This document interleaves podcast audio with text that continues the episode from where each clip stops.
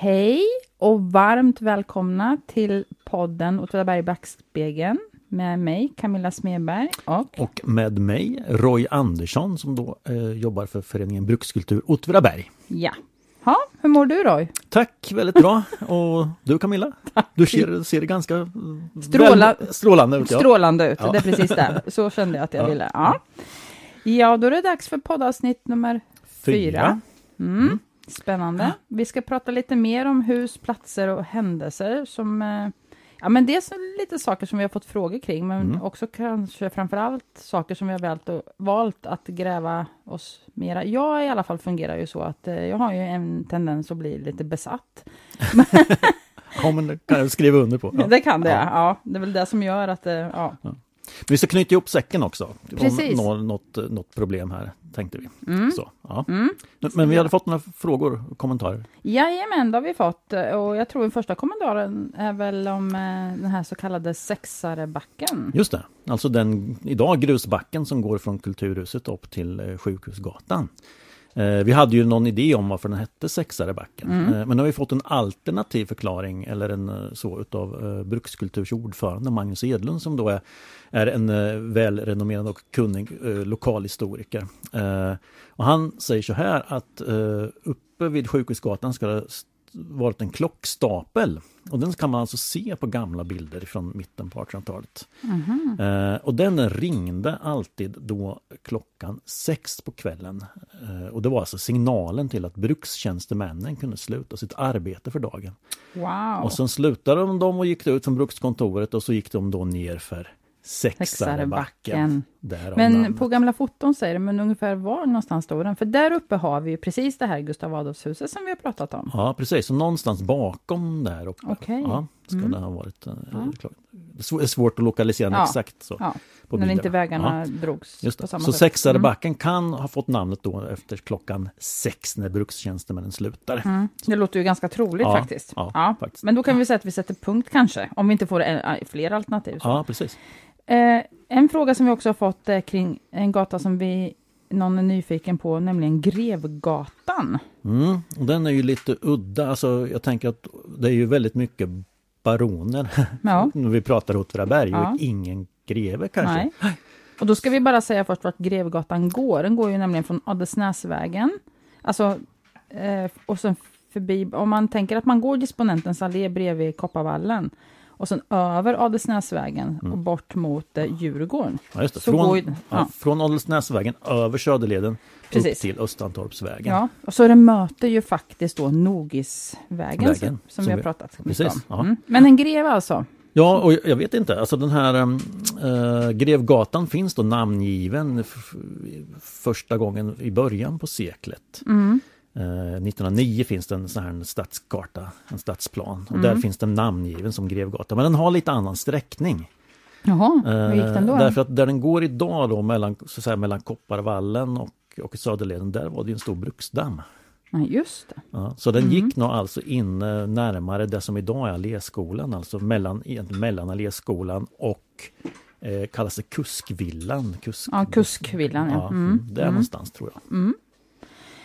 Mm. Men om vi bara skulle spekulera lite kring det här. Jag vet ju faktiskt att det- en, men då tänker jag att det här, är- du sa 1909, Nio. 1909. Mm, Jag vet ju en greve, det är nämligen någon som flyttar in i villan efter att familjen Adelsvärd flyttade därifrån. Och de flyttar till eh, Adelsnäs 1920. Ja. Och det är ju greve August Louis Fersen Gyllenstolpe Mm. som flyttar in där tillsammans med sin hustru grevinnan Nora Isabel Mary. Mm. Men som sagt, de kom ju inflyttandes 1920. Ja, Men det stämmer ju ganska väl. Den liksom for, så går man över så kommer man till... Nu hette Ja. ju inte den disponentens Nej. allé förstås. Nej, nej, där. nej. så, som det är om de beredde vägen för dem. Kan vara så. nej, det är inte så troligt. ja, eller också kan det vara så att, att Theodor Adelsvärd ville på något sätt eh, lyfta fram sin svärfar eh, som då hette Ludvig Douglas som var greve. Mm, från Stjärnor. Ja, Mm. så.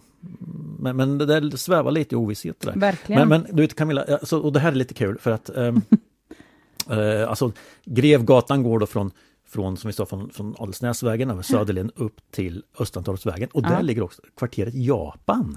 Just det, på andra sidan kullen. Ja, och då kommer jag Ja. osökt att tänka på då en man som då som eh, brukar kallas för Alvar greven Mm. eller greven av Japan.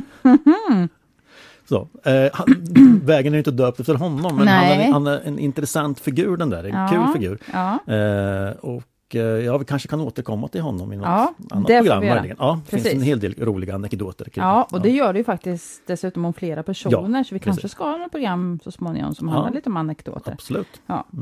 Sen eh, slutligen ska vi väl säga så har vi fått in en fråga från Annika Nilsson som frågar om Kålaregränd. Mm. Varför finns Kålaregränd kvar som gatunamn när inga byggnader har den adressen i dagsläget? Och hon säger att hon minns på 80-talet när det fortfarande, har hon för sig i alla fall, fanns företag på Prästängsvägen som hade Kålaregränd som adress. Alltså Prästängsvägen är ju på andra sidan eh, 35. 35 och hon har undrat över det här i många år, men det verkar inte som att många vet att, den, att det ens finns något som heter Kålaregränd. Så, har du något svar på Kålaregränd? Nej, alltså den är ju en sen gata i sammanhanget. Eh, Den, alltså det är ju en avstickare till Kalkungsvägen. Mm. Och den ligger alltså emellan två stycken utav de här eh, hyreshusen eller, som, som ligger bredvid Kalkungsvägen. En liten avstickare in till några garage som kallas för Kolargränd. Men varför? Eh, varför man Nej, jag vet inte om, om, om tanken var att den skulle från början att den skulle eh, gå hela vägen över till Prästängs... eh, Eller ja just det. Inom vä- 35an. där. Ja, Ja. möjligen. Nej. Och sen frågar hon också hur det rent formellt går till när en gata eller väg upphör att finnas. Alltså när man väljer att, jag har ju sett i tidigare protokoll, där man, alltså i början av 1900-talet, där man bara bestämde sig för, Mm. i kommunalstämma tänker jag Ja, då, ja. att eh, nu, Man byter namn. ja man byter namn eller man tar bort Ja, liksom. ja. Och, Men det här tänker jag att eh, vi har ju uppmanat kommunen tidigare, så det här är ju också någonting vi kan få ja kolla men med. precis. Har vi några lyssnare från, från, från eh, samhällsbyggnadskontoret här så hör gärna av er. Ja, så, eller någon som känner någon på precis. Samhällsbyggnadskontoret, vore så kan de ju höra Kul att veta hur man gör idag i alla fall. Precis, Ja. ja, Mm. så det uppmanar vi Ja. då till. Men apropå besatthet då, som jag nog ändå får kalla det här, eh, så är det ju Gustav Adolfshuset. Vi pratade om det, inte förra gången, vi kanske var inne på det då också, Ja, eftersom det nu är en Vi pratar om det ganska... Ja, kanske lite för mycket. Nej då. Eh, vi ska nog tömma eh, ut allt jag har som jag vill säga kring det här så småningom.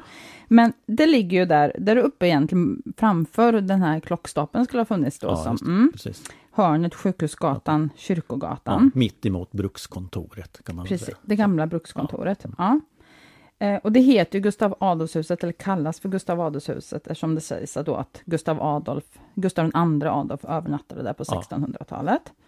Eh, det finns en gammal Turinbild på det här Mm. huset som är jättefin. Och då ser man att det är betydligt mer öppet och det går liksom den här grusbacken upp Mm. från Sexarebacken. Sexarbacken, förlåt. Den går ju upp till huset Ja. så, och det ligger väldigt öppet. Det gör det ju inte riktigt idag. Och på Turinbilden från 1900, då är det verkmästare Hjalmar Leonard Morberg som bor där tillsammans med sin familj. Och det som är roligt med det här tycker jag då är att den mellersta sonen, som inte är med på bilden, men eh, han eh, föddes 1892 på en färd med danskt fartyg över Atlanten. Mhm. Så han fick heta Ivar Atlantus. det är lite fint. Ja, ja. jättefint namn. ja. Men så kallas det här huset också för eh, det Sjölanderska huset, Ja. efter en familj som bodde där från 1907, alltså som flyttade in efter de här Morberg då, till och bodde fram till 60-70-talet. Och eh, Sjölander, Georg Arthur Sjölander, han var också verkmästare. Han började som snickeriarbetare, förman och blev så småningom, eller verkmästare, så. Förman är, det är, det är Ja. verkmästare är förman, Ja. kanske. Ja. Och hustrun Augusta Olivia och sen barnen eh, Annie, Eva, Karin, Valentin och Ebba flyttar in då. Eh, sen får de ytterligare två barn, Ingeborg och Erik. Och eh, så småningom så flyttar de här barnen hemifrån, även Karin. Men hon kommer sen så småningom att flytta tillbaka och förmodligen så har ju pappan åldrats och bor där ensam, så hon tar Mm, hand om mm. honom. Och sen går han bort och sen bor hon sen själv kvar i huset. Ja. Karin Sjölander. Så hon är den sista att lämna på, ja, jag kan tänka Och det är henne som många minns. Precis. Och hon bodde där ensam. Ja, många äldre har ju minnen av Mm. Karin Sjölander. Eh, som man då sa att hon, hon var lite speciell och hon gick ofta omkring på, eller ofta, men hon gick omkring och man kände igen henne liksom och hon pratade med folk och var lite så här rätt fram som jag förstår. Talade om för någon som kom och gick och drog en barnvagn och rökte, mm. vilket man ju kanske gjorde på 70-talet, ja. att det skulle man inte göra. Ja. Så hon tyckte liksom saker om ja. saker och ting. Hon gick själv omkring förresten, lär, säger man då, med en barnvagn, men hon samlade saker i den, tomflaskor och städ. städade upp. Ja, jag kan tänka mig att hon gick och städade så. Men hon var lite speciell. Eh, sen så flyttade hon ju därifrån då i slutet av 60-talet tror jag. Sen kan man i korren den 6 november 1974 läsa att dagarna för det här huset, då, det Sjölanderska huset, är räknade. Mm. Mm. Därför att huset är i så dåligt skick och eh, man säger att det är alldeles för dyrt att renovera, för det här tillhör ju kommunen, så jag tänker att de, även Karin måste ha hyrt huset då, varit ja. hyresgäst där. Ja. Och man säger att det är för dyrt att renovera, det blir alldeles för höga kostnader, inte försvarligt. Så de bestämmer sig då, kommunstyrelsen, för att man ska sälja huset till Östgötabankens fastighetsbyrå. Och de i sin tur ska riva det, det är liksom klart. Ja. Men så vill man då ge kulturnämnden i Åtvidaberg tillfälle att yttra sig. Mm. Och så finns det då i korren liksom bilder på eh, kulturnämnden när de står framför det här huset. Mm. Men korren skriver att eh, det Sjölanderska huset kommer, om inte ett under sker, inom kort att försvinna för att ge plats åt något modernare bostadshus. Mm. Men under sker. Det förstår vi ju, för huset står ja, kvar än ja. idag. Och kulturnämnden säger att de vill behålla huset, men framför allt så ifrågasätter de starkt det lämpliga i att någon bebyggelse överhuvudtaget kommer till stånd på detta mycket ömtåliga område. Ah, ja. Mm. Så tack vare dem så står det inte något 70-talshus där. Ja, ja. Eh, ja. ja. Alltså, och det, fin ja, då det finns, finns en liknande Eh, liknande händelse kring, kring villan. Okay. Alltså villan eh, byggdes ju av eh, Theodor Adelswärd i slutet på mm. 1800-talet och i, i slutet på 1920-talet blev det alltså disponentbostad för Åtvidabergs industrier. Så, som senare blev Facit AB. Mm. Efter den här Gyllenstolpe, greve Gyllenstolpe, ja, någon gång typ. Ja, så. Mm. Eh, sen då köpte ju Electrolux upp Facit AB när företaget kom på obestånd. Eh, och då fick man också även villan med sig i köpet då. Mm. Eh, men man ville inte ha villan. Men, men den visade sig vara svår att sälja. Mm. Så den stod alltså från 73 så stod den alltså ett par år öde.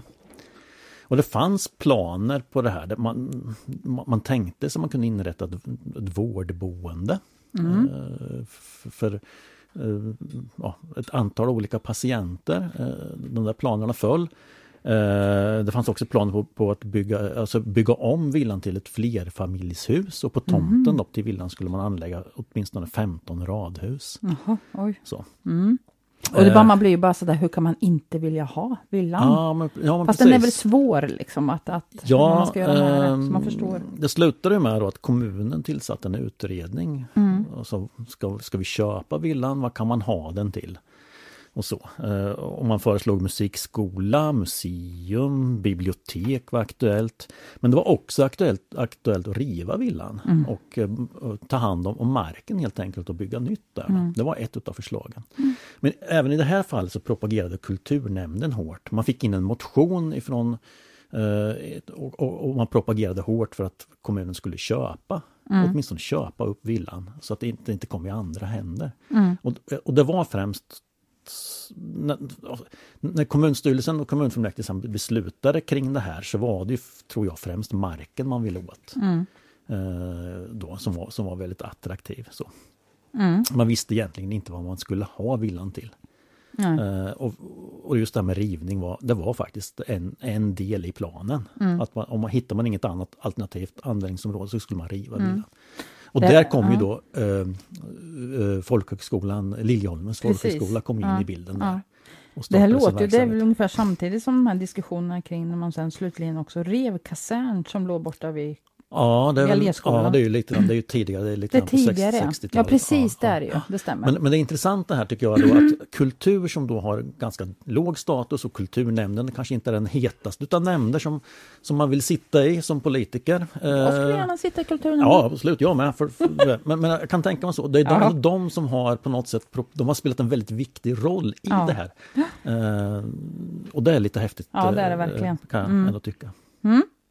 Du pratar ju då om eh, Gustav Adolfshuset där, Camilla, din besatthet. Men, Mm. men, och Gustav Adolfshuset är ju intressant för då ska ju vara ett av Åtvidabergs äldsta hus. Mm.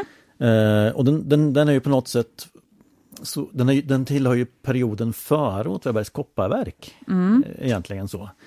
Eh, och då tänker man inte på att Åtvidabergs samhälle är ganska ungt. Jag tror vi har pratat om det här förut, att det är ju från mitten av 1700-talet som, som samhället växer fram, här brukssamhället. Mm. Men innan dess fanns det ju inte mycket på platsen egentligen. Och då måste vi bara säga Åtvidabergs kopparverk, det är tiden före där säger för där, det, det, när kommer det igång egentligen, kopparverks... Kopparverket kommer igång, ja, men det, man, lite smått 1750-tal och sen så bildas Åtvidabergs kopparverk 1760 och så börjar de bebygga Mm. eh, i det som idag är centrala Åtvidaberg med, med, med bostäder och, och hyttbyggnader och sådär.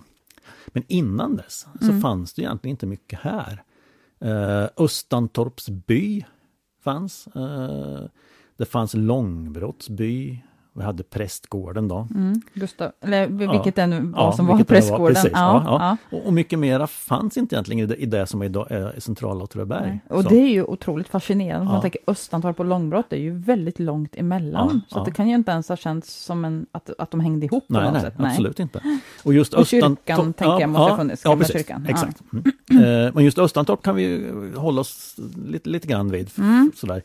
Eh, Det är som by med medeltida anor. Eh, Och det, fin- det finns med i en uppteckning eh, där det fanns en Öndo från Östantorp som gjorde, gjorde en... Vad heter han sa du? Öndo. Undo. Öndo från Östantorp som gjorde en... Det är inte ens liten- namn som vi känner oss bekanta med. Precis. Ja. Eh, Sådär. Eh, som, som gjorde en affär som- som, då satt avsatt, i- blivit, ja, det finns, finns i arkivet, så att säga, i Riksarkivets Han har gjort avtryck i, i material, Ja, så ja, det är liksom, ja. Precis. Eh, men också annat material, har du talat om Älvsborgs lösen? Mm, ja. Jag har ju läst historier, och fast du kan nog inte trycka mig på liksom, att jag ska redogöra för Älvsborgs lösen. Nej, men det, det är otroligt spännande. Det, det är Ja. alltså en rikshändelse. Alltså danskarna erövrade Älvsborgs fästning, Ja. Sveriges enda hamn mot väst. Och Sverige då fick lösa tillbaka det här från Danmark för en enorm summa pengar. Så. Eh, och då beskattade man befolkningen. För att Eh, kunna betala lösensumman. Ja. Precis, Ja. och då förde man upp längder över då vilka som bodde var och vil- vilken förmögenhet de hade. Även då, då för Åtvid socken. Mm. Och då kan man då, om man då är intresserad av Östantorp exempelvis, så kan man då se i den här Älvsborgs lösen att här fanns det då tre gårdar. Eh, Det fanns en, en Jöns i Östantorp. Det fanns en Botvid i Mm. Östantorp och det fanns en Thomas i Östantorp. Den här som du pratade om innan, Undorf, eller vad hette Ja, han? det var Han på 1300-talet. Oj, ja, oj, oj. Och det här är Ja. på 15. Det här är 15, Ja, vi ja. pratar vi 1571. Ja.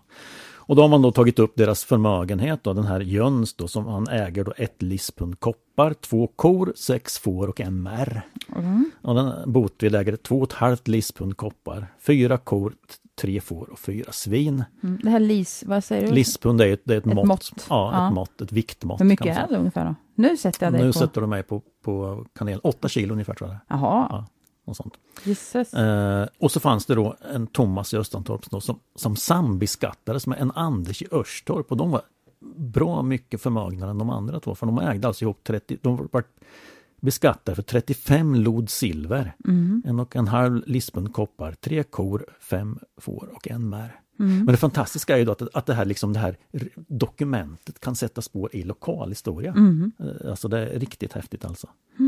Ja, och 1771 så köper Åtvidabergs kopparverk upp två utav de tre hemman som finns i Östantorp och det tredje är då eh, kommunister på stället. Mm. Och ett då, är ju typ en prästgård. ja, precis. Ja. Ja. kan man säga.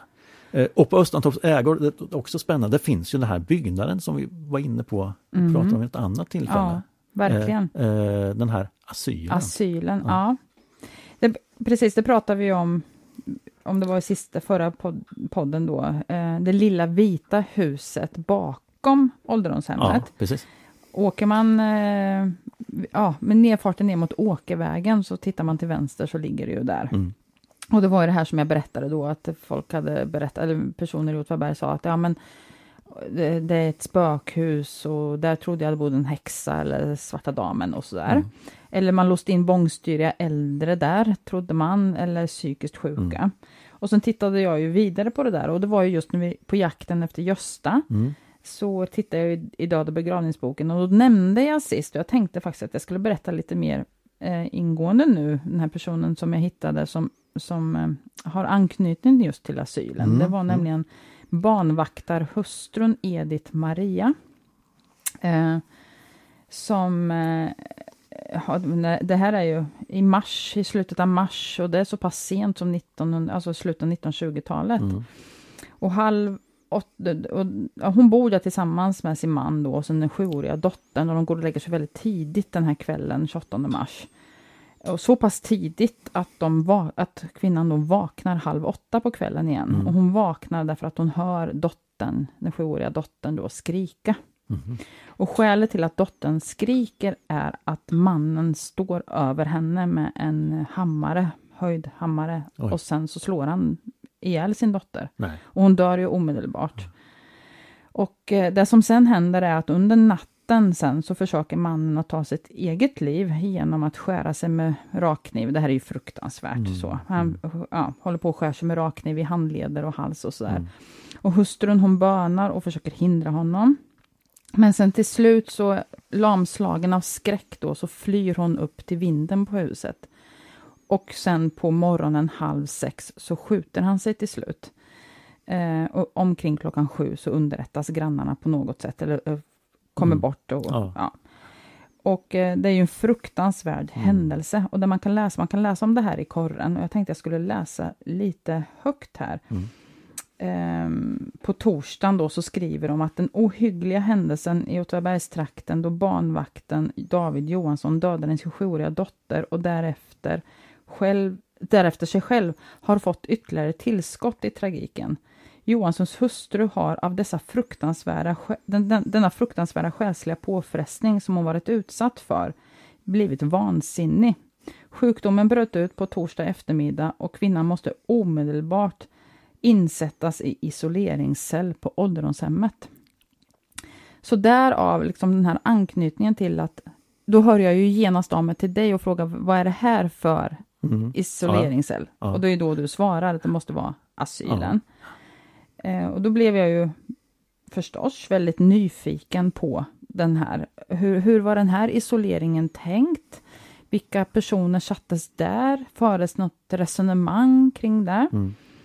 Och eh, för att ta reda på det så sa du att eh, förmodligen så uppfördes det lilla huset samtidigt som ålderdomshemmet byggdes. Mm. Och det byggdes mm. 1914. Ja, så jag begav mig till kommunarkivet för att leta efter eh, ja, vad man då skriver mm. om byggnationen av mm. ålderdomshemmet. Om man nämner det här huset då.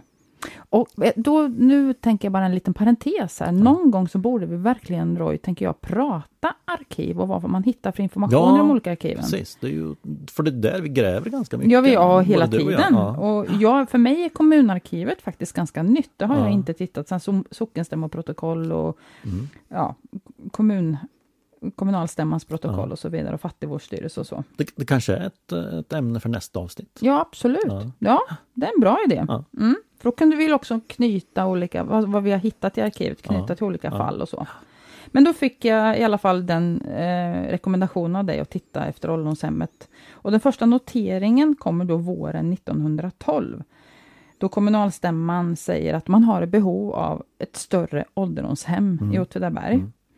Eh, och man har tittat på det nuvarande fattighuset och har inte hittat ett bra sätt på vare sig hur det ska kunna byggas till eller byggas ut. Och man har till och med fått inhysa fem miljon mm. i ett tillfälligt boende i en hyrd lokal i mormorsgruvan. Mm. Och där stannar ju jag upp och tänker, för mig är, för här pratar man om att bygga ett ålderdomshem. Mm.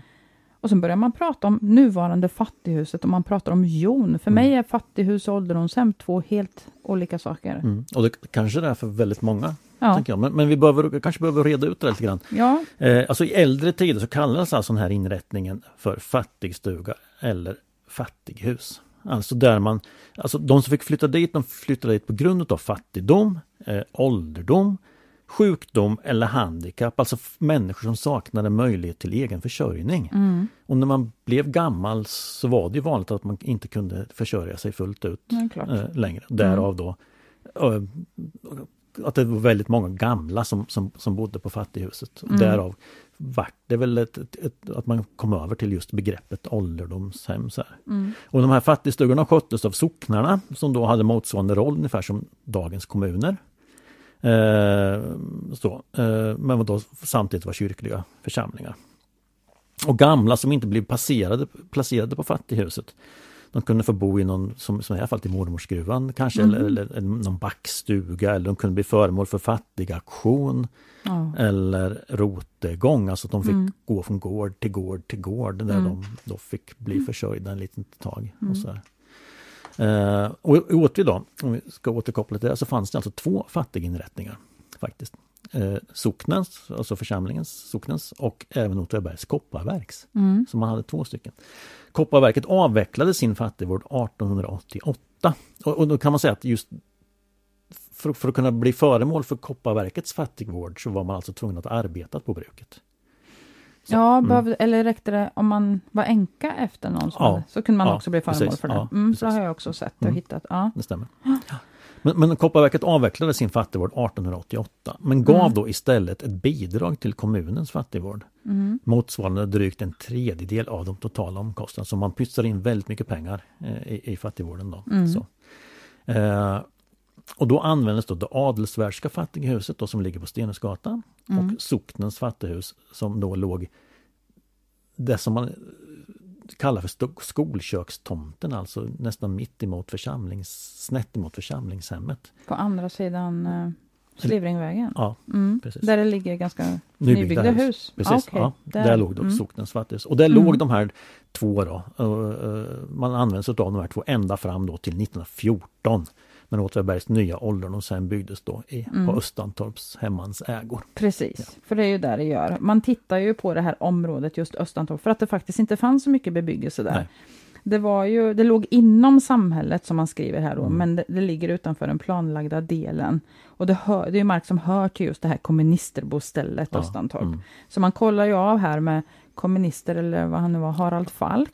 Mm, och han tycker att det här är en bra idé. Han får ju Mm. en årlig liksom, ersättning Mm, för att mm. man får ha den här marken då. Och man tycker att det är synnerligen lämpligt för fattigvård. Så man bygger ett ålderdomshem med platser för 46 jon samt tjänstefolk, som det står, Ja. ekonomibyggnader samt, och här kommer det nu då, en särskild sinnessjukupptagningsanstalt. Mm. Så det är det asylen är. Och det har vi slagit fast tidigare, men här blir det liksom väldigt ja, tydligt. Svart på vitt. Svart på vitt. Och det förs inget resonemang. Alltså det, det är inte så att man diskuterar vad, här, vad man ska använda den till, utan som jag förstår det, man för ju aldrig resonemang kring saker som är självklara. Nej. Och det är det som Nej. ibland gör det också väldigt svårt Mm. att läsa gammalt material. För för oss är det inte självklart. Nej. Men man skriver inte ut saker som är helt, ja, som är som sagt självklara. Mm. Och det blir ibland väldigt svårt då att tyda. Ja. Eh, Men det jag vet då är att inom varje lasarettsområde så skulle det finnas sådana upptagningsavdelningar för sinnessjuka för att kunna hantera just akuta fall i väntan på placering på riktiga vårdanstalter Mm. som inte kunde ta emot just då på grund av kanske platsbrist. Nej. Och sen har vi ju liksom hospitalen också i Vadstena Mm, till ja, exempel. ja. Så, man, ja, så man förs väl antingen till hospitalet eller till lasarettet Mm, sen. mm. Så det här var ju ett sätt att hantera ett akut, en akut situation. Men till exempel Edith Maria, hon satt där i drygt en månad.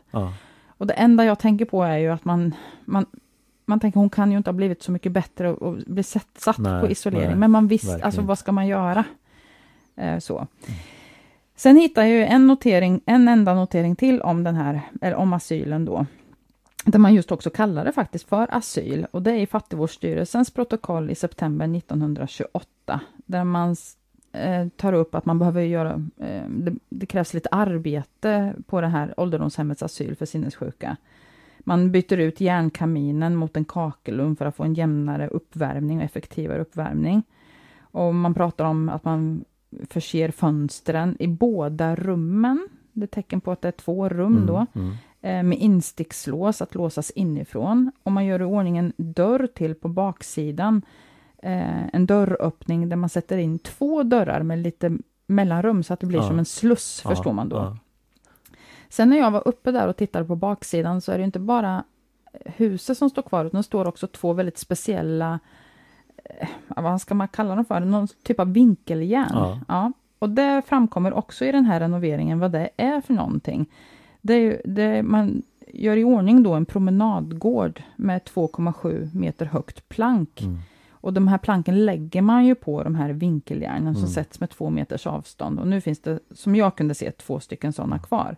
Och under planket en sockel av betong avsedd att hindra utgrävnings och rymningsförsök. Ja. Och så gör man liksom ordning så det ska vara, man trampar i ordning marken. En slags så. rastgård helt Ja men enkelt. precis. Ja. Och då tänker jag det kanske de inte hade haft innan då Nej. alls. Men nu ser man till att de också kan få komma ut Ja. i friska luften lite. Mm. Och du Camilla, eh, ett, ett, ett annan plats ska vi säga då som, som, som ligger på Östantorps, eller låg i alla fall på Östantorps hemmans ägor som vi har fått en, hel, fått en hel del frågor om genom årens lopp. Det är ju Humpa. Mm. Humpa ja. Ja, precis. Eh, Och vad, liksom, vad betyder namnet? Och, och, och så, vad, vad, är, alltså, vad, vad, är, vad är Humpa för dig? Så, så här, vad, om du skulle beskriva området, var, var det ligger någonstans? Ja, just det. Var är Humpa för mig? Jag tänker ju området kring... Nej, men jag tänker Eliospåret. Det var väl där man var och åkte längdskidor när man gick i skolan och så. här. Ja, men kring Eliospåret tänker jag. Ja, och, Stämmer det, eller? Ja, men jag, jag tänker att från Skogslyckevägen Mm. kanske och sen, sen s- Var ligger söderut. Skogslyckevägen nu? Det är ju... Vi borde ju vara experter på gator, men det...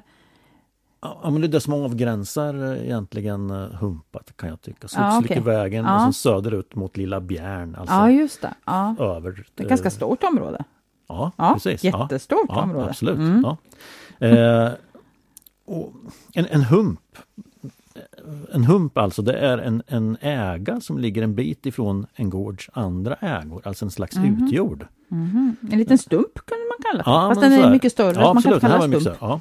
Ja. Kallar det för hump. Eh, och i vårt fall, så, i, i vårt humpa, Mm. är då en utjord till hemmanet Östantorp.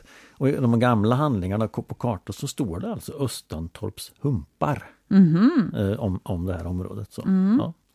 Ja. Eh, och bland annat då så hade Åtvidabergs kopparverk hade en koldös där, alltså ett upplag för träkol.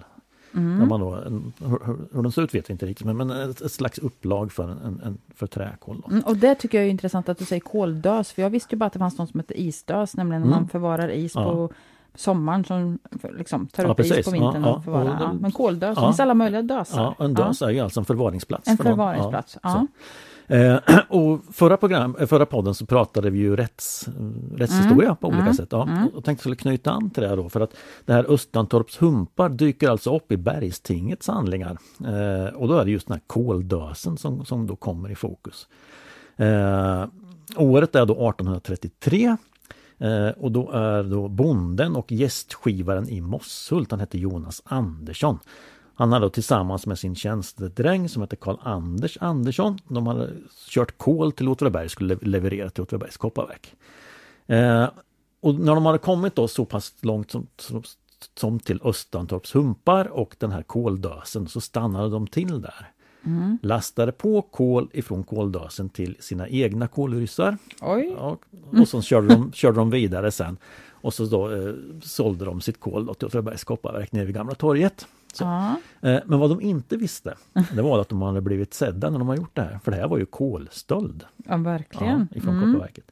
Eh, så där hade alltså en skogvaktare och en bruksarbetare hade då observerat och de hade alltså de hade fått order av Kopparverket att bevaka den här koldösen för det hade tydligen skett andra stölder. Där. Så till- de låg där ute i Ja buskarna. precis, de låg bara under någon gran där kanske. och så fick de napp, Precis, ja. ja. gästskivaren. Så Ja. de här två då, eh, gästskivaren i Mossult, Jonas Andersson och hans tjänstedräng Karl-Anders Andersson, de blev alltså ställda inför Bergstinget Jaha. och blev dömda då för kolstöld. Inga stora böter men mera för att eh, Markering. markera Ja. att så här gör man inte. Nej. Nej. Käre nån. Ja. Ja. Ha. Och Du pratade om elspåret här förut. jag gjorde Ja, mm. Och det har jag ju också tittat lite närmare på Ja, faktiskt. mm. Ehm, Kurt Backe, Ja, om men- inte Ja, annat. det är ju en hemsk backe. Backe.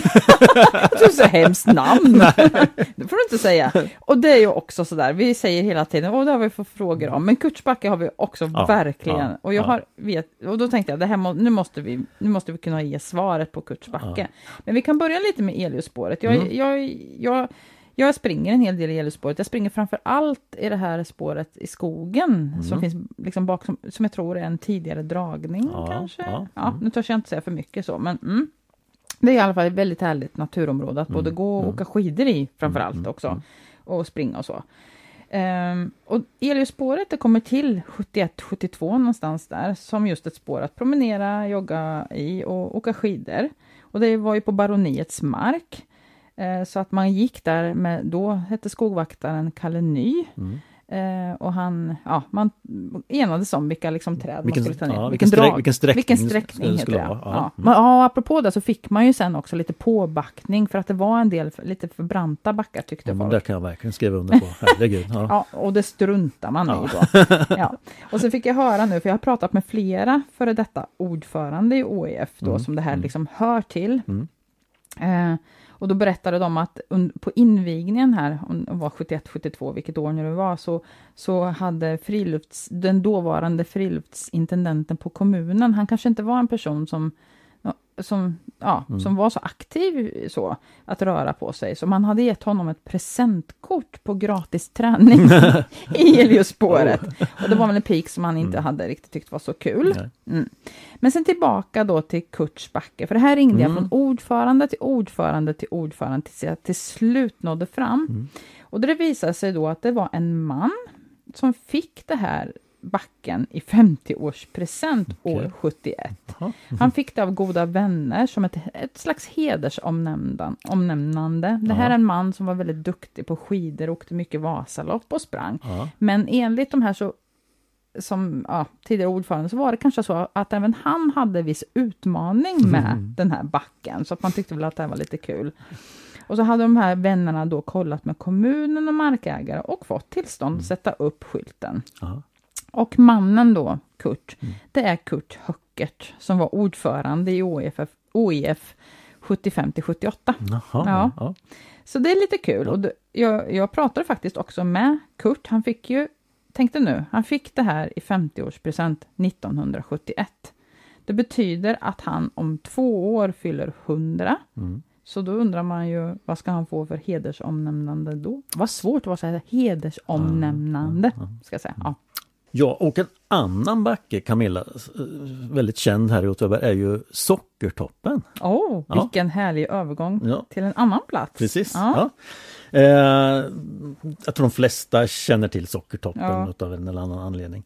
Eh, namnet kan man ju det vet vi ju vad det, vad betyder. Eh, Men det är kanske inte alla som, som har klart för sig vad det är. Alltså en sockertopp. Det är alltså socker pressat till en stor kon. Mm. Eh, som en slags pyramid kan man säga. Eh, och den här kan, kan huggas och klippas i, i bitar Mm. med hjälp av en sockertång eller en kniv och så här. Så kan man då ja, få lämpliga bitar till det. Till kaffet exempelvis. Precis. Eh, och det här var väldigt vanligt fram till att man började producera bitsocker. För då, då slog det ut den här sockertoppen. Men, men, men eh, det var alltså det vanliga, det vanliga sättet att köpa socker. Man köpte en, en sockertopp Mm. helt enkelt. Eh, och sockertoppen i Åtvidaberg eh, historiskt sett är ju en ganska värdelös Så det är berg- liknelsen kring att det här ser ut som en Ja men det är väl sockertopp. det som är, Ja. ja, precis så. Eh, Och, och det är en ganska värdelös bergknalle på hemmanet Vrånghults ägor. Det här. Eh, namnet Sockertopp kanske har funnits väldigt länge, det vet vi inte riktigt. Det, sådär. Mm. Eh, det har väl funnits så länge som man har använt sockertoppar kanske. Ja. Men eh, det dyker upp på första gången eh, officiellt då på Häradskartan 1868, så så gammalt i alla fall. Vet så länge har man använt så. Ja, Ja. så namn så. 1868. Ja. Mm. Men, men det, är, det är inte förrän på 1930-talet som man upptäcker att man kan få nytta av de här värdelösa bergknallen. Varför säger du värdelös? Är det någon annan som har, liksom, har man kallat det så? Värdelöst? Nej, det är jag som tänker att eh, om man, Ja, titt- man tittar på lantmäterikartorna så är den ju liksom inte eh, Den är ju inte värderad till någonting Nej. mycket sådär. Nej. Så man tänker att man kanske inte haft så mycket användning för Nej, den. Lite nej. skog kanske växte på den. Och så. Ja, just det. Ja, är inte mycket till mark helt enkelt. Nej men precis. Ja. Men på 30-talet i alla fall, då, då man skulle modernisera Åtvidabergs vattenledningssystem. Eh, och i september då 1933 så beslutar man då att, att eh, anlägga en sån här vattenledning och man då bestämmer sig för att bygga en högvattenreservoar på den högsta punkten här Mm. i samhällets närhet, nämligen Sockertoppen. Men gud vad roligt! Nu har vi identifierat Ja. på den lägsta punkten som inte är neråt. Ja, Men Nej, precis. Oxtorgsgatan Ja, eller vad? ja, ja. Och så har vi, har vi nu den högsta. Ja, det är ju inte så ja. förvånande att Nej, det är det. Men nej. man kan ju tänka sig, ja, vad Precis, kul. ja. Nu har vi, mm.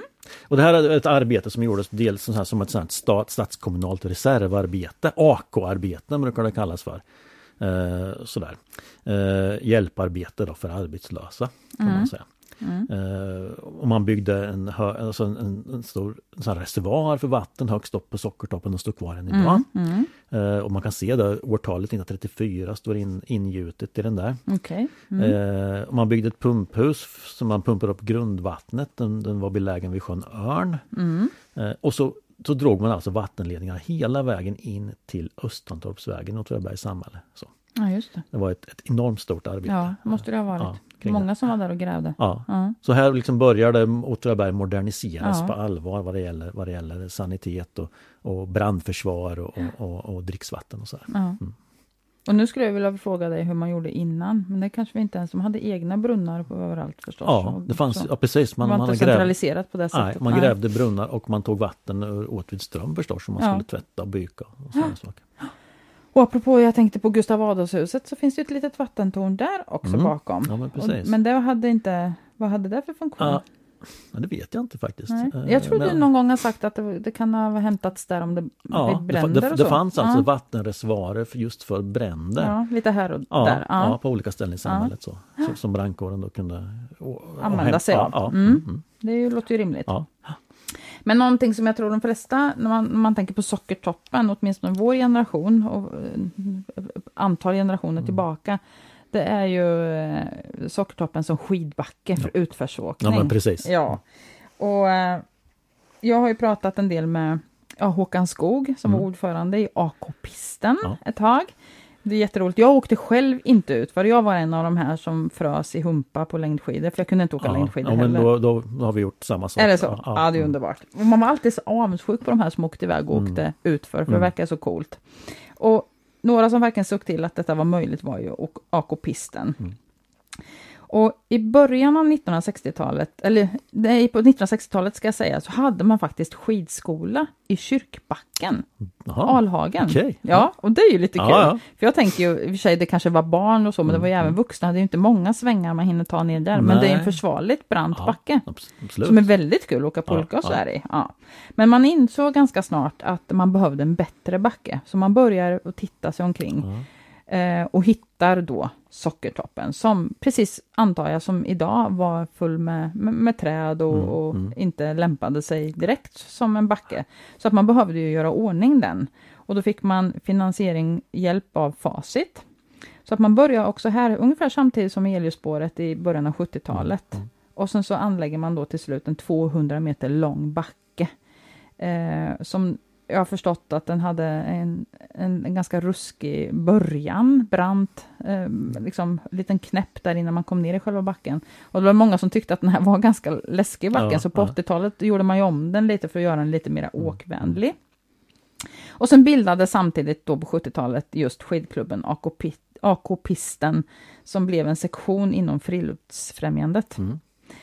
Eh, och jag vet inte, alltså det är ju helt fantastiskt hur mycket man ordnade med där ute. För det finns ju naturligtvis en lift. Och den här liften, när jag har pratat med personer om Sockertoppen, så är ju den lika farlig och lika liksom, finns mycket, lika mycket berättelser kring liften som det finns om själva backen. Okej, det var så li, lika farligt att åka upp för som nerför. Ja, och folk har fastnat. De har Ja. fastnat med sina vantar. Och små barn som åkt hela vägen upp, de, de var till slut uppe i luften någonstans. De, de var, så så att det är ganska roligt. Och det var ju belysning där ute. Man hade en snökanon Mm, förstås. Eh, man hade klubbstuga och skidbod och materialbod Mm, och så här. mm. Och sen drog man igång en enorm verksamhet och det fanns ett stort intresse. Det var bara du och jag som inte var där och hängde helt enkelt, Så verkar det det. som. Mm.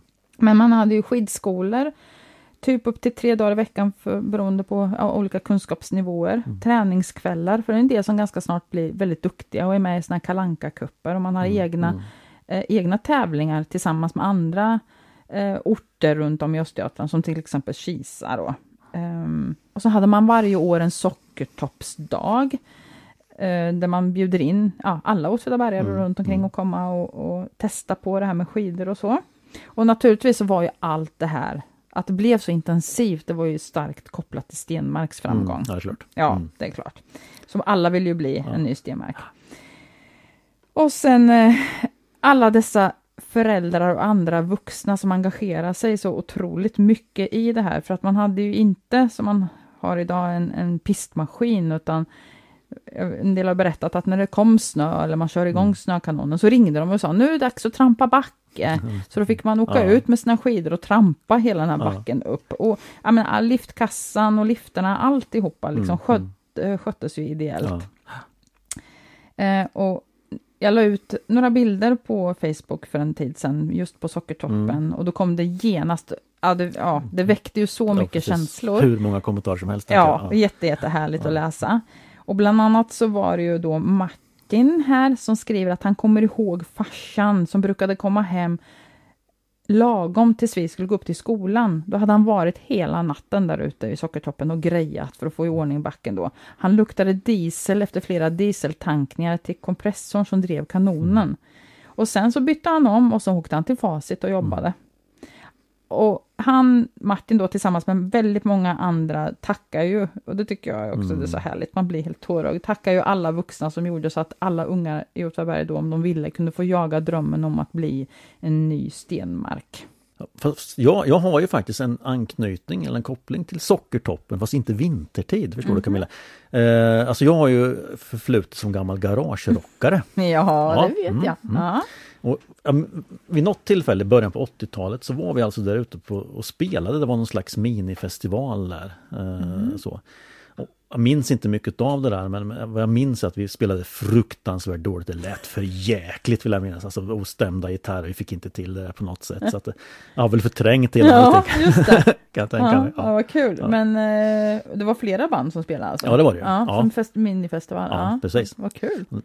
Jag, får, jag får grotta ner mig lite grann i det här e- Ja, men det är precis, det får du mm, återkomma lite till mm, kanske. se. Det kan vi inte lämna. Nej, För man undrar ju också det här att det inte lät så bra att du inte minns så mycket. Det hade inte att göra så att ni levde ett rockliv också. ja, det vet man aldrig. Ja, ska vi återkomma till. Ehm, vi, vi tänkte vi skulle gå från en kulle till en annan kulle, eller en, från Mhm. en backe till en kulle, nämligen, och som vi också får en hel del frågor omkring, Mm. det är Ådals kulle. Aha. Ja, precis. Och framförallt namnet då, vet jag folk Mm. är intresserade av. Eh, Men för mig då är Ådals kulle ett utav Åtvidabergs e första eh, egna hemsområden. Mm, då måste vi säga för de som inte vet vart Ådalskullar är, vart det Ja, ligger. Precis. Ja.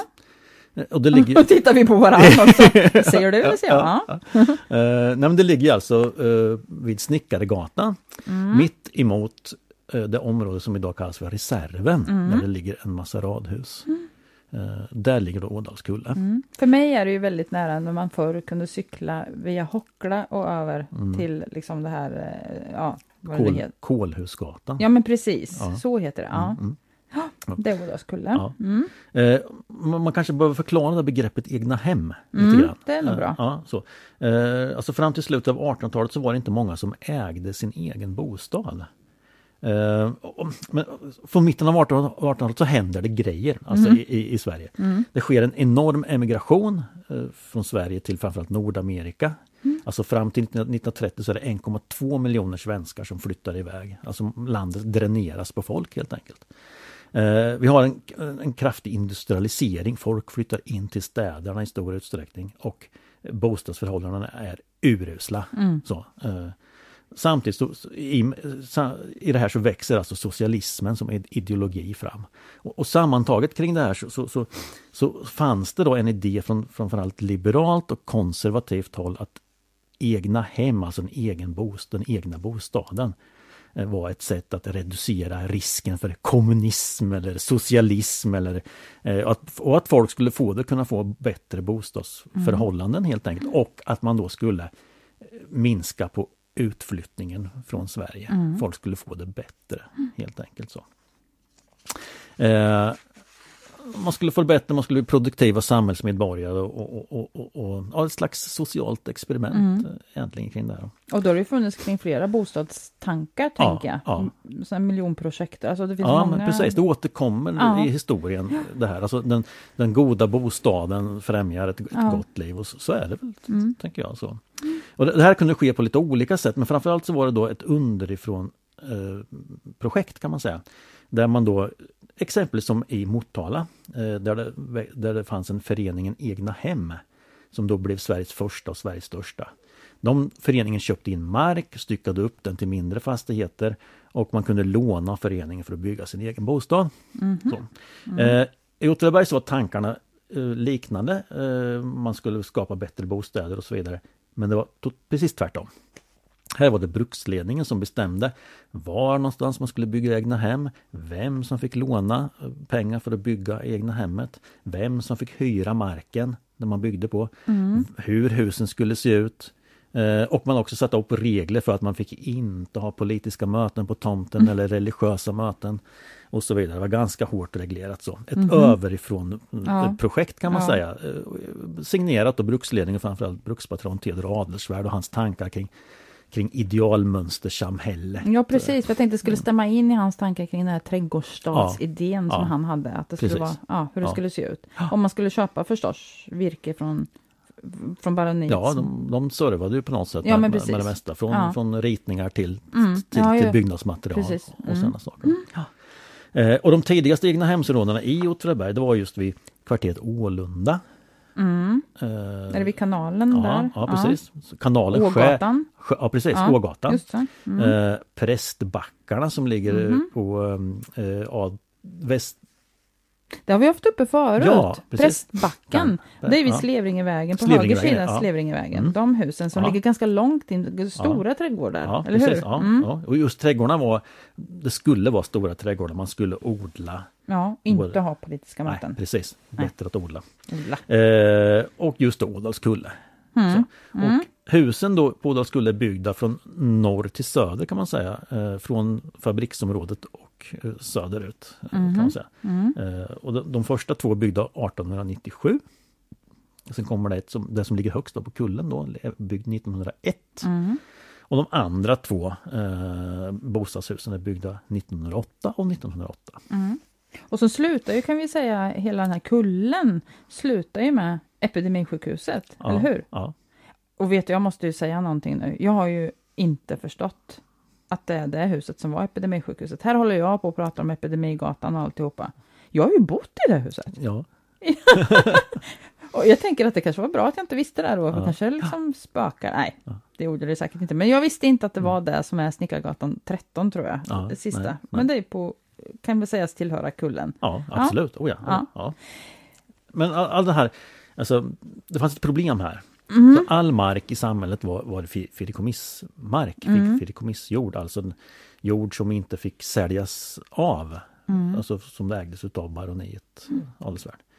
Och det här gjorde Och det är att... inte de som, alltså det är inte de som har bestämt att det inte Nej, ska säljas av. Nej precis, det var, utan det, det måste man alltså gå till, eh, ehm, till kungen för, Ja. för att kunna eh, till regeringen måste godkänna att man säljer av fideikommiss. ja, för det ska eh, hålla sin egendom. takt. Liksom. Ja, Ja. ja. precis. Mm. Eh, och det här var ett problem för att det var inte många som de var inte så intresserade. Då, då, då bygger man alltså sina bostäder på ofri grund och det är, det är inte så intressant. Nej. Var så. Men i och med att man eh, sålde av, man, man fick till den här stadsplanen 1904 och Mm. samhället Åtvidaberg växte fram och baroniet sålde av med mark inom det central, till Åtvidabergs municipalsamhälle. Mm. Då måste man ju ha fått lov att göra det Ja, alltså. Då Mm. kunde också samhället sälja mark till de som skulle bygga bostäder. Ja, just Ja, det. så, ja, Och då, då exploderade det här bostadsbyggandet. då var det eh, mer attraktivt. Ja, det precis. klart. Ja, Mm. Så 1904 då, då fanns det 24 egna hem. Men tio år senare, 1914, så hade det här växt till 131 egna hem. Oj, Och det här blev då grunden till det som, som, som man kan kalla för villasamhället. Ja, verkligen. Ja, och då är- räcker inte de här tre områdena, Nej, då utan nej. då är det flera, Ja. finns det flera egna Ja. hem runt om i samhället. ja, Ja. precis. Spännande. Mm. Mm. Men sen just det här Ådalskulle. Ja, namnet Ådal. Ja, Ja. för hur länge har det hetat så? Jag har också, det kan vi inte säga kanske exakt hur Ja, länge man har... nej, men, men på den här tiden de byggde egna hemmen, då, då, byggde, då hette det Ja. Ådalskulle, eller hur? Just det, var det benämning. Ådalskulle. Så någon gång i slutet av 1800 kanske, Precis. vad vi vet i alla fall. Ja, mm. Och jag vet ju faktiskt lite, för jag Ja. har ju återigen då tänkt att det här måste jag ju ta reda på. Mm, Det är ju mm. jättespännande varför det heter så. Och det jag fick höra tidigt av några så där var att det skulle ha legat en dansbana på den här kullen. Mhm. Som en ådal Mm, skulle ha mm. byggt. Mm. Mm. Och jag letade i all möjlig dokumentation. Jag var nere på kommunarkivet igen för att se, Mm. finns, nämns någonstans? Och du vet, man, det är ett evigt letande. Mm, mm, mm. Vart ska man leta vet man inte, utan man letar och letar och letar för att se om det här nämns någonstans. Ja. Eh, Bland annat då när man pratar om de här egna Ja, hemmen, det. om man, om man Mm. liksom refererar till det här. Men det gör man inte. Och jag pratade med mycket folk och nej, man visste inget mer, man har hört talas om den här dansbanan. Och så funderade jag ju själv på, skulle man ha valt att lägga en dansbana så nära det här epidemisjukhuset? För det blir ju ganska nära. Mm, mm. Det låter ju lite konstigt kanske. Mm. Eh, skulle Baron då ha gått med på att det byggdes en dansbana på hans mark? Du är tveksam? Ja, tveksam. Sen fick jag kontakt med en Torgny i Ådal Mm. som eh, åtminstone kunde visa på en sten på kullen. Just det, det finns en, ett min, en minnessten. Ja, och han Ja. är, alltså han är ju nog den enda som vet om den här stenen, eller Mm. visste. Nu vet, ju, nu vet ju vi om den Ja, också. mm. Men han menar att hans, han, hans farfar skulle ha byggt en dansbana Ja, där. ja. Och han kunde visa på den här stenen på kullen med en inristning där det står förste i sjätte 1890 byggt av G. Ådal. Aha. Så någonting, Någonting är byggt någonting är byggt och av en G. Ådal. utav... Ja. Och nu hette inte hans farfar G i förnamn. Och hans farfar var dessutom född 1891, alltså Mhm. året efter någon har varit och byggt Ah, någonting här. Så att vara- det, det kan ju inte vara han. nej, det kunde inte det vara. Så då undrar man, vem var den där G. Ådal? Och som sagt, vad var det han hade byggt? Och då rotade jag ju vidare i det här Mm, och letade mm, i kyrkböckerna mm, efter en G. mm, mm. Ådal. Samtidigt så hittade du en Mm. väldigt spännande sak. Mm, ja men precis. I, i eh, ortnamnsregistret så finns det ju dokumentation, alltså man har frågat personer om olika namn. Vem är det som har frågat? Folklivsforskare Ja, tänker just jag. det. Ja, det är sånt arkiv. Ja, ja, mm. så. Eh, ja, typiska namn och så. Mm. Och där fanns ju den här Ådalskullen med. Ja. Mm, precis. Och det var en uppteckning från 1935 tror jag det var. Ja, det stämmer. Ja. Det var det. Ja. Och där stod det då att, att eh, namnet Ådalskulle kommer ifrån att någon Ådal, kommer inte ihåg Ja. vad han hette. men- Nej, så här, jag tror Ja. kopparverksarbetare Så. Ådal. Mm. Men inget förnamn så, men bara Ådal. Och han hade anlagt bänkar och grusgångar. Mm, sandgångar och träsoffor. Ja. Förr hade, hade han ju också sagt, brukade nämligen musikkåren konsertera på platsen. Ja. Så, mm. Så jag har tolkat det som att den här Ådal har ställt i ordning platsen så att man ska kunna sitta Och lys- njuta. och njuta av bruksorkestern kanske. Ja, och det är ju ganska rimligt att anta att Bruksorkestern kom just också för att Epidemisjukhuset låg Ja, där, kanske ja. för att underhålla lite. Ja. Och vem vet? Kanske var det någon som tog sig en liten sväng om där Mm. också och att det liksom blev lite dans. Ja, musik och dans hör ju ihop. Precis. Ja. Ja. Och då visste jag ju, som sagt, jag letade samtidigt i kyrkböckerna och jag hittade en Erik Gustav Ådal, Mm. Gustav då, född 1866 och hans far Anders Gustav Ådal, född 1832 och båda de var kopparverksarbetare. Ja. Och det här, det är ganska troligt att det var någon av dem, eller kanske Ja. de båda. Ja. För Erik Gustav, sonen då, han var 24 år år 1890 och Anders Gustav var 58 år. Mm. Så att det, det är någon av dem, eller som sagt båda, Mm, som mm. då förmodligen har gjort i Ja. ordning den här platsen. Så en... Eh, och Sen är det ju så att jag hittade ju ett fall till som, som, som kullen då inte är uppkallad efter, antar jag. Men förutom den här G. Som ordningställer platsen för att man ska kunna sitta och njuta av orkestern, så fanns det, kom, kom det senare en annan Ådal som också satt sin prägel på den här kullen. Mhm. Men under helt andra och väldigt mycket mer dramatiska former. Och han Mm. var släkt med, de var kusiner, han den här Harald som jag tänkte jag skulle berätta lite om här nu. Mm, mm. Han var kusin med Erik Gustav. Och det här är en till juni, pingst, juni år 1909 så kommer det två, det är onsdag förmiddag, jag vet inte om det fortfarande är pingst, men det kommer två flickor gående på vägen vid Gamla torget. De är på väg till mejeriet som ligger där nere Mm. där gruppen Mm. finns ju kvar idag. Ja. Och det är 20-åriga Tora som numera bor i Motala. Hon har varit hemma över pingst och det är hon och hennes syster som kommer och går här. För de ska gå till mejeriet och köpa Mm. mjölk förmodligen. Och plötsligt så stelnar Tora till. För hon ser en man som kommer gående emot dem. Och hon känner igen den här mannen. Det är nämligen Harald Ådal. Eh, han har varit förbi hennes föräldrahem här på morgonen och försökt övertala henne att ses. Men hon har avvisat honom. De har nämligen, Tora och Harald, då varit förlovade tidigare. Men i julas, alltså ungefär ett halvår tidigare, så bröts förlovningen. Förmodligen då av Tora. Mm. Och Harald, han, han ser ju hennes tvekan här då, eh, när han närmar sig. Och han säger att han vill bara ta farväl. Och han tar tag i hennes hand, men han förlorar ganska snart behärskningen. Så han sliter upp en revolver, som han då tydligen har med sig, och trycker den mot Toras bröst och så skjuter han. Fyra, fem gånger. Men hon, Tora, hon lyckas vid den här stunden slå undan, samtidigt som han skjuter oss, så lyckas hon slå undan hans hand med mjölkkrukan som hon har. Så de har väl tidigare varit på mejeriet, Mm, eller på mm. väg. Ja. Eh, så att skotten enbart, enbart står det då i tidningsnotisen, det är inte så enbart i och för sig, men den krossar hennes vänstra överben. Och skrikande så lyckas hon ta sig loss från Haralds grepp. Och han i sin tur, han springer från platsen. Eh, och genast är det flera personer, bland annat en polis, som väl är i närheten Mm, där, som, mm. som ger sig iväg efter honom och jagar honom. Och det sägs då, det står inte så i tidningsnotisen som jag läste, men det sägs för, eh, att de hinner upp honom lagom vid Ådals kulle, där han skjuter sig i hjärtat och dör omedelbart. Oj. Mm. Vilken, Vilken, dramatisk, ja, vilken, vilken dramatisk. historia. Så var det med, med Ådals kulle. Och då kan vi också konstatera att eh, lätt, lättkränkta eller kränkta män har Ja. liksom eh, figurerat genom hela historien, Historien, och mm. även här i Åtvidaberg. Ja, våldsamma. Våldsamma kränkta Mm, mm. Sällan kränkta, våldsamma kvinnor. Mm. Precis. Ja.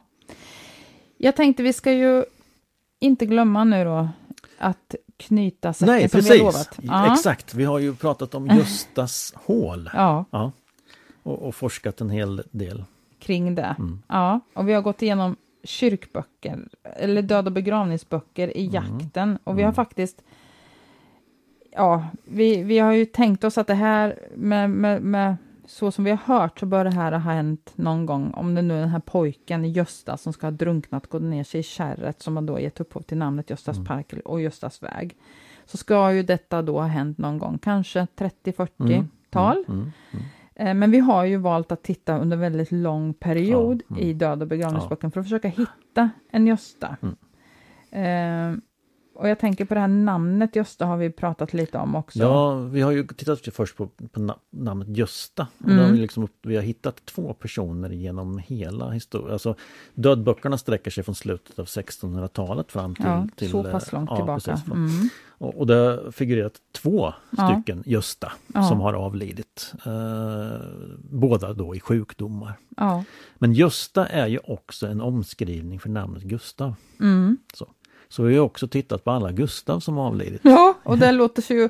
Det är ju ett enormt arbete. Det är nästan... Jag tänker att vi har inte kunnat... Men vi har ju tittat sen på ors, dödsorsak Ja, istället ja, och hittat precis, för ja. att se om någon... Och, Ja. och från då slutet av 16, 1600-talet så finns det alltså en Mm. Gustav som har eh, drunknat utav våda, Mm. som det heter. Mm. Och det här har då skett eh, 1843. Mm. Gustav Alfred Lindström. Mm. son till byggmästare Lindström. Han var ju då fyra år. Och det som dock inte står är ju var någonstans Nej, han drunknade. Nej. Så vi kan ju helt enkelt, det, och det, vi tänker att vi har nått vägs ände här. Ja, men det, det känns som så. Vi, vi, eh, och, och vi kan väl säga att vi har ju inte kunnat vederlägga att det finns någon Gösta Nej. som har... Så vi, vi lutar ju åt att detta är en skröna Ja, precis. och att det handlar om att föräldrar Att, att det här har... har Jo men det är liksom- ganska vanligt det där att man berättar en historia för att hålla barnen borta Ja. från olika ställen. Ja. Det, alltså Gösta Såhl samma historia finns om gruvgubben i Beersbo exempelvis Mm. eller gruvfrun att man ska då man, man ska passa sig där, man ska Mm. hålla sig borta därifrån. Så, inte- an- för att det inte ska hända några olyckor helt enkelt. Men är det nu så att någon blir väldigt upprörd över att, det här, att vi säger nu att det är en skröna så får man ju gärna ge oss, tala om det för oss. Eh, och överhuvudtaget så får man ju gärna höra av sig Ja. till oss, vilket ju folk, det måste vi ju säga, att vi är ju jätteglada för Ja. att så många Ja. hör av sig och att så många lyssnar. Ja men precis, det är ju över vår förväntan. Ja, verkligen. Ja. Och att vi har ju sett på, ja, vi har ju lyssningsstatistik och så och ser faktiskt att det är väldigt många Mm. Ja. som följer med och vi får väldigt mycket frågor. Ja. Och vi blir ju liksom så här, lite hejdade när vi går neråt Ja. och handlar och så, vilket vi tycker är jättekul. Ja, så ja, mm. jättegärna fortsätta höra av sig med frågor och kommentarer. Mm. Och, och, och jättemycket frågor. Om, Jättemycket ja, men så frågor. Det, Och vad sånt, man vill- sånt, sånt kan vi bygga vidare på. Ja, precis. Ja. Och vad man vill att vi ska prata mer om och så. Ja, mm. Och man kan ju både skriva på min Facebook-sida som heter Stort, smått och lite däremellan. Mm. På Brukskulturs eh, Facebook-sida. Men också, så har vi ju en mailadress ja just det. som är... Po, ja, podcast snabelabrukskultur.se Ja. Mm. ja. Och då var det väl helt enkelt allt för idag. Ja, Ja. eh, då får säger vi hej då. Hej då! Hej då!